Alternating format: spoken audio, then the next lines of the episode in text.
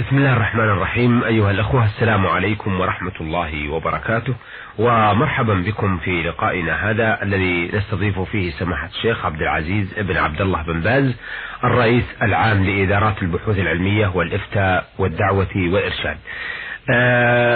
سماحة الشيخ عبد العزيز لدينا مجموعة كبيرة من الأسئلة ولعلنا نتمكن من رسالة أو من عرض رسالة الحائرة حاميم ورسالة المستمع من حضرموت آه المستمعة الحائرة هاميم تسأل عن الصلاة جمعا آه إفرادا في البلد وترك الجماعة.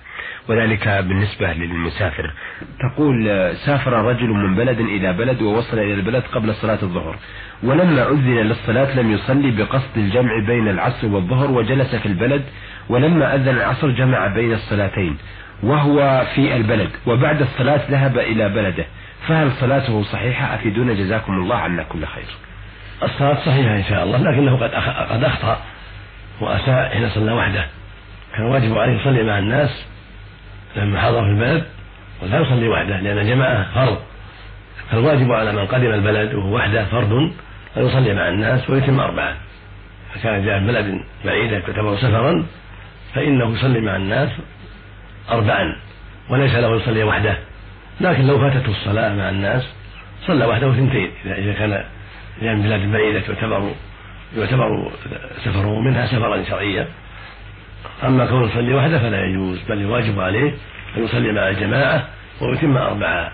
لكن لو كان مع أخويه أكثر وصلوا اثنتين وجمعوا فلا حرج في ذلك. نعم. هذه رسالة وردتنا من حضرموت لأنه يقول في حضرموت توجد عندنا مساجد النساء ونبدأ الرسالة من أولها يقول بسم الله الرحمن الرحيم. أخيكم في الله أرجو الإجابة على هذه الأسئلة مدعومة بالدليل والبرهان من أصحاب عند من أصحاب الفضيلة لديكم. يقول رفع الأيدي بعد سمع الله لمن حمد في الصلاة ما حكمه وفقكم الله؟ يشرع للمصلي أن يرفع يديه في أربعة مواضع. الموضع الأول عند الإحرام إذا كبر عند التكبير يقول الله أكبر رافع يديه حيال منكبيه أو حيال أذنيه هذه واحدة. الموضع الثاني عند الركوع. إذا أراد أن يركع يرفع يديه مع التكبير. إلى حيال منكبيه أو إلى حيال أذنيه. الموضع الثالث عند الرفع من الركوع. يرفع يديه مكبرا قائلا سمع الله يحمده كما فعله النبي صلى الله عليه وسلم عند الرفع. الإمام والمنفرد والمأموم كلهم. يرفع يديه عند الرفع من الركوع. قائلا الإمام سمع الله يحمده وقال وقائلا المأموم ربنا ولك الرفع كما هو السنة. والموضع الرابع عند قيام السجد الأول للثالثة الظهر والعصر والمغرب والعشاء. إذا نهض الثالثة يرفع يديه مكبرا ويجعل يديه حيال منكبيه أو حيال أذنيه. هذه المواضع الأربع ثبت فيها الرفع عن النبي صلى الله عليه وسلم. وذهب إلى هذا جمهور أهل العلم وهو الحق لأنه ثبت عن الرسول صلى الله عليه وسلم من عدة أحاديث حديث ابن عمر من حديث علي رضي الله عنه ومن أحاديث أخرى. وثبت الرفع في المواضع الثلاثة عند عند الإحرام وعند الركوع عند الرفع في أحاديث أخرى. الحاصل أن هذه المواضع أربعة قد ثبت فيها الرفع عن النبي صلى الله عليه وسلم فالسنة للمصلي أن يفعل ذلك تأسيا بالنبي عليه الصلاة والسلام. نعم. آه سؤاله الثاني يقول فيه آه نرجو تفسير معنى يخرج الحي من الميت ويخرج الميت من الحي مع مثال لذلك إن, إن استطعتم. هذا من آيات الله. ومن دلائل قدرته سبحانه وتعالى أنه يخرج الحي من الميت ويخرج الميت من الحي. هذه من آياته سبحانه وتعالى. ومن دلائل قدرته العظيمة وأنه رب العالمين الخلاق العليم القادر على كل شيء. وأنه سبحانه وتعالى يحيي ويميت. ويتصرف في خلقه كيف يشاء وأنه مستحق العبادة ومثل أهل العلم لذلك بأشياء منها إخراج المسلم من الكافر يكون كافرا ويخرج الله من صلبه أحياء مسلمين فإن المسلم حي والميت كافر في المعنى فالله يخرج من المرأة الكافرة والرجل الكافر أولاد المسلمين يهديهم الله ويصلحهم سبحانه وتعالى. وأبوهم وأمهم ليسوا كذلك. وكذلك يخرج الميت من الحي يكون مسلم ويولد له أولاد فيكفرون ولا يبقون على دين آبائهم وأمهاتهم بل يكونون على خلاف ذلك ويعتنقون غير الإسلام. فيكون هذا إخراج ميت من حي. ومن ذلك مثل مثلوا به أيضا إخراج الدجاجة من البيضة. الدجاجة حية حيوان والبيضة في حكم الموات في حكم ميت لأنها جماد. فالله جل وعلا يخرج منها حيوانا سميعا بصيرا حيا. وهذا واضح. والعكس كذلك. يخرج الميت من الحي. الميت البيضة. والدجاجة حية. فيخرج الله منها بيضة جمادا في حكم الميت والدجاجة حية. وهذا له نظائر أيضا. نعم. ومن أراد المزيد على ذلك فيراجع كتب التفسير على الآية الكريمة. نعم. أيضا لديه سؤال آخر في القراءة. يقول في سورة الأعلى بل تؤثرون الحياة الدنيا. البعض يقرأها يؤثرون آه، بالياء. آه، نرجو توضيح ذلك. هذا لا يستنكر. لأن القراءة القراءة وجيهة. والظاهر أنها قراءتان بالتاء والياء نعم. يؤثرون الغيبة وتؤثرون لمخاطبة المبعوث إليهم النبي عليه الصلاة والسلام وهم كفرة. فجاء إخبار عن جنس الكفرة أنهم يؤثرون الحياة الدنيا على الآخرة. وبالتاء خطاب للموجودين بل تؤثرون خطاب لهم ولأمثالهم الذين كفروا بالله وآثروا الدنيا على الآخرة فمالوا إليها ولم يرضوا باعتناق الدين الذي بعث الله به نبيه محمد عليه الصلاة والسلام. نعم. آه، يقول في حضرموت يذهب الناس في وقت محدود من كل سنة. إلى زيارة أحد القبور يقولون إنه آه، قبر النبي هود الكائن في شعب هود. وهناك آه، تتم الصلاة ويتم وتتم الزيارة والقراءة والبيع والشراء. فما حقيقة ذلك؟ وهل النبي أو وهل قبر النبي هود هناك أم لا؟ لا شك أن هود عليه الصلاة والسلام كان في الأحقاف وكان منزلهم هناك بعثه الله إلى قومه هناك.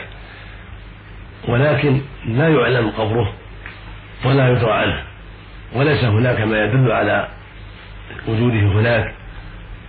فالذين يقصدون قبرا هناك ليس معهم حجة على أنه قبر هود. ولا يحفظ قبر معلوم للأنبياء سوى قبر نبينا محمد صلى الله عليه وسلم. فهو المحفوظ في المدينة. وهكذا قبر إبراهيم في المغارة في الشام في المحلة المعروفة هناك. من دون أن يعلم عينه لكنه موجود في المغارة المعروفة هناك في الخليل. وأما بقية الأنبياء فلا تعلم قبورهم لا هود ولا صالح ولا نوح ولا غيرهم كلهم لا تعلم قبورهم. فمن زعم أن قطر هود في بقعة معينة هناك وأشار إليه بأنه هذا المحل المعين فليس معه حجة وليس معه دليل. فقبور الأنبياء لا تعرف ما عدا قبر نبينا صلى الله عليه وسلم وقبر إبراهيم عليه الصلاة والسلام. ثم لو فرضنا أنه صحيح وأنه قبر هود فإنه لا تجوز لا يجوز سد الرحال إليه للسلام عليه أو الصلاة عنده وغير ذلك. لكن لو مر إنسان به وهو يعلم أنه قبره وسلم عليه فلا بأس. كما يسلم على نبينا محمد عليه الصلاة والسلام أما يزار بشد الرحال فلا. قال النبي صلى الله عليه وسلم لا تشد الرحال إلا إلى ثلاث مساجد المسجد الحرام مسجد هذا ومسجد الأقصى. فلا يشد الرحل. لقبر أي أحد لا قبر هود ولا غيره. ثم لو فرض أنه مر عليه وزاره فليس له يصلي عند قبر. صلى المسجد عند القبور. الرسول صلى الله عليه وسلم نهى عن ذلك. قال ألا وإنه كان ألا وإن من كان قبلكم كانوا يتخذون قبور أنبيائهم وصالحهم مساجد ألا فلا تتخذوا المساجد فإني أنهاكم عن ذلك. الصلاة عند القبر اتخاذ له مسجد فلا يجوز الصلاة عند القبور. ولا اتخاذها مساجد لو فرضنا أنه علم أنه قبر هود أو غيره فلا يجوز للمسلمين أن يشدوا الرحال من أجل زيارة القبور. لا قبر هود ولا غيره. وليس للمسلمين أيضا أن يصلوا عند القبور ولا أن يتخذوا عليها مساجد. لأن الرسول زجر عن ذلك عليه الصلاة والسلام فقال لعن الله اليهود والنصارى اتخذوا قبور أنبيائهم مساجد قالت عائشة رضي الله عنها يحذر ما صنعوا. وقال أيضا عليه الصلاة والسلام ألا وإن من كان قبلكم كانوا يتخذون قبور أنبيائهم وصالحيهم مساجد ألا فلا تتخذوا تتخذوا مساجد فإني أنهاكم عن ذلك. فصرح صلى الله عليه وسلم أنه ينهى عن اتخاذ القبور مساجد والصلاة عندها اتخاذ لها مساجد فلا يجوز لأي مسلم أن يفعل ذلك. فلا يشد الراحل إلى قبر أي قبر كان ولا يصلي عنده. أما إذا مر عليه أو صار في البلد وزارة السلام على القبور هذا سنة. نعم. النبي عليه الصلاة والسلام قال زوروا القبور فإنها تذكركم الآخرة. لكن من دون شد رحل ومن دون أن تتخذ مساجد ويصلى عندها أو تدخل محل قراءة والدعاء لا يزورها ويسلم على المقبورين ويدعو لهم وينصرف. كان النبي صلى الله عليه وسلم يعلم أصحابه إذا زاروا القبور أن يقولوا السلام عليكم أهل الديار من المسلمين وإنا إن شاء الله بكم لاحقون نسأل الله لنا ولكم العافية. وفي لفظ يرحم الله المستقيمين منا والمستأخرين هذه السنة. أن تزار القبور من يشد رحل ويدعى لهم يسلم عليهم ويدعى لهم بالرحمة والمغفرة ولك معهم. وفي زيارة القبور ذكرى وعبرة. فإن الزائر يتذكر الموت وما بعد الموت ويعتبر ويدعوه هذا إلى إعداد العدة والتأهب للآخرة أما اتخاذها مساجد أو اتخاذها محلا للدعاء والقراءة فهذا لا, لا يجوز ولا محلا للدعاء ولا للقراءة ولا الصلاة ولكن يسلم عليهم ويدعو لهم في عرض السلام ويكفي ذلك كما علمنا الرسول صلى الله عليه وسلم وبين لنا وحذرنا من خلاف ذلك.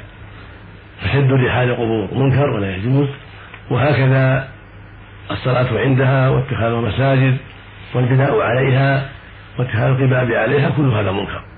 ولا ينبغي لك أيها السائل ولا لغيرك أن يغتر بالناس فإن أكثر الناس اليوم ليس عندهم بصيرة وإنما تحكمهم العادات وما ورثوه عن الآباء والأجداد. فاتخاذ المساجد اتخاذ المساجد على القبور اليوم في بعض الدول الإسلامية واتخاذ القباب عليها كله منكر. كله من وسائل الشرك. النبي صلى الله عليه وسلم نهى عن هذا. قال لعن الله اليهود والنصارى اتخذوا قبور أنبيائهم مساجد يحذرون من أعمالهم. وكذلك نهى عن تجسيس القبور والقعود عليها والبناء عليها فلا يجوز أن تجسس ولا يبنى عليها قبة ولا غيرها ولا يتخذ عليها مسجد لأن هذا كله مصادم لما جاء عنه عليه الصلاة والسلام. ولأنه أيضا وسيلة من وسائل الشرك والغلو في القبور. فالواجب على رؤساء الدول الإسلامية الواجب عليهم أن يزيلوا ما على القبور من أبنية من قباب.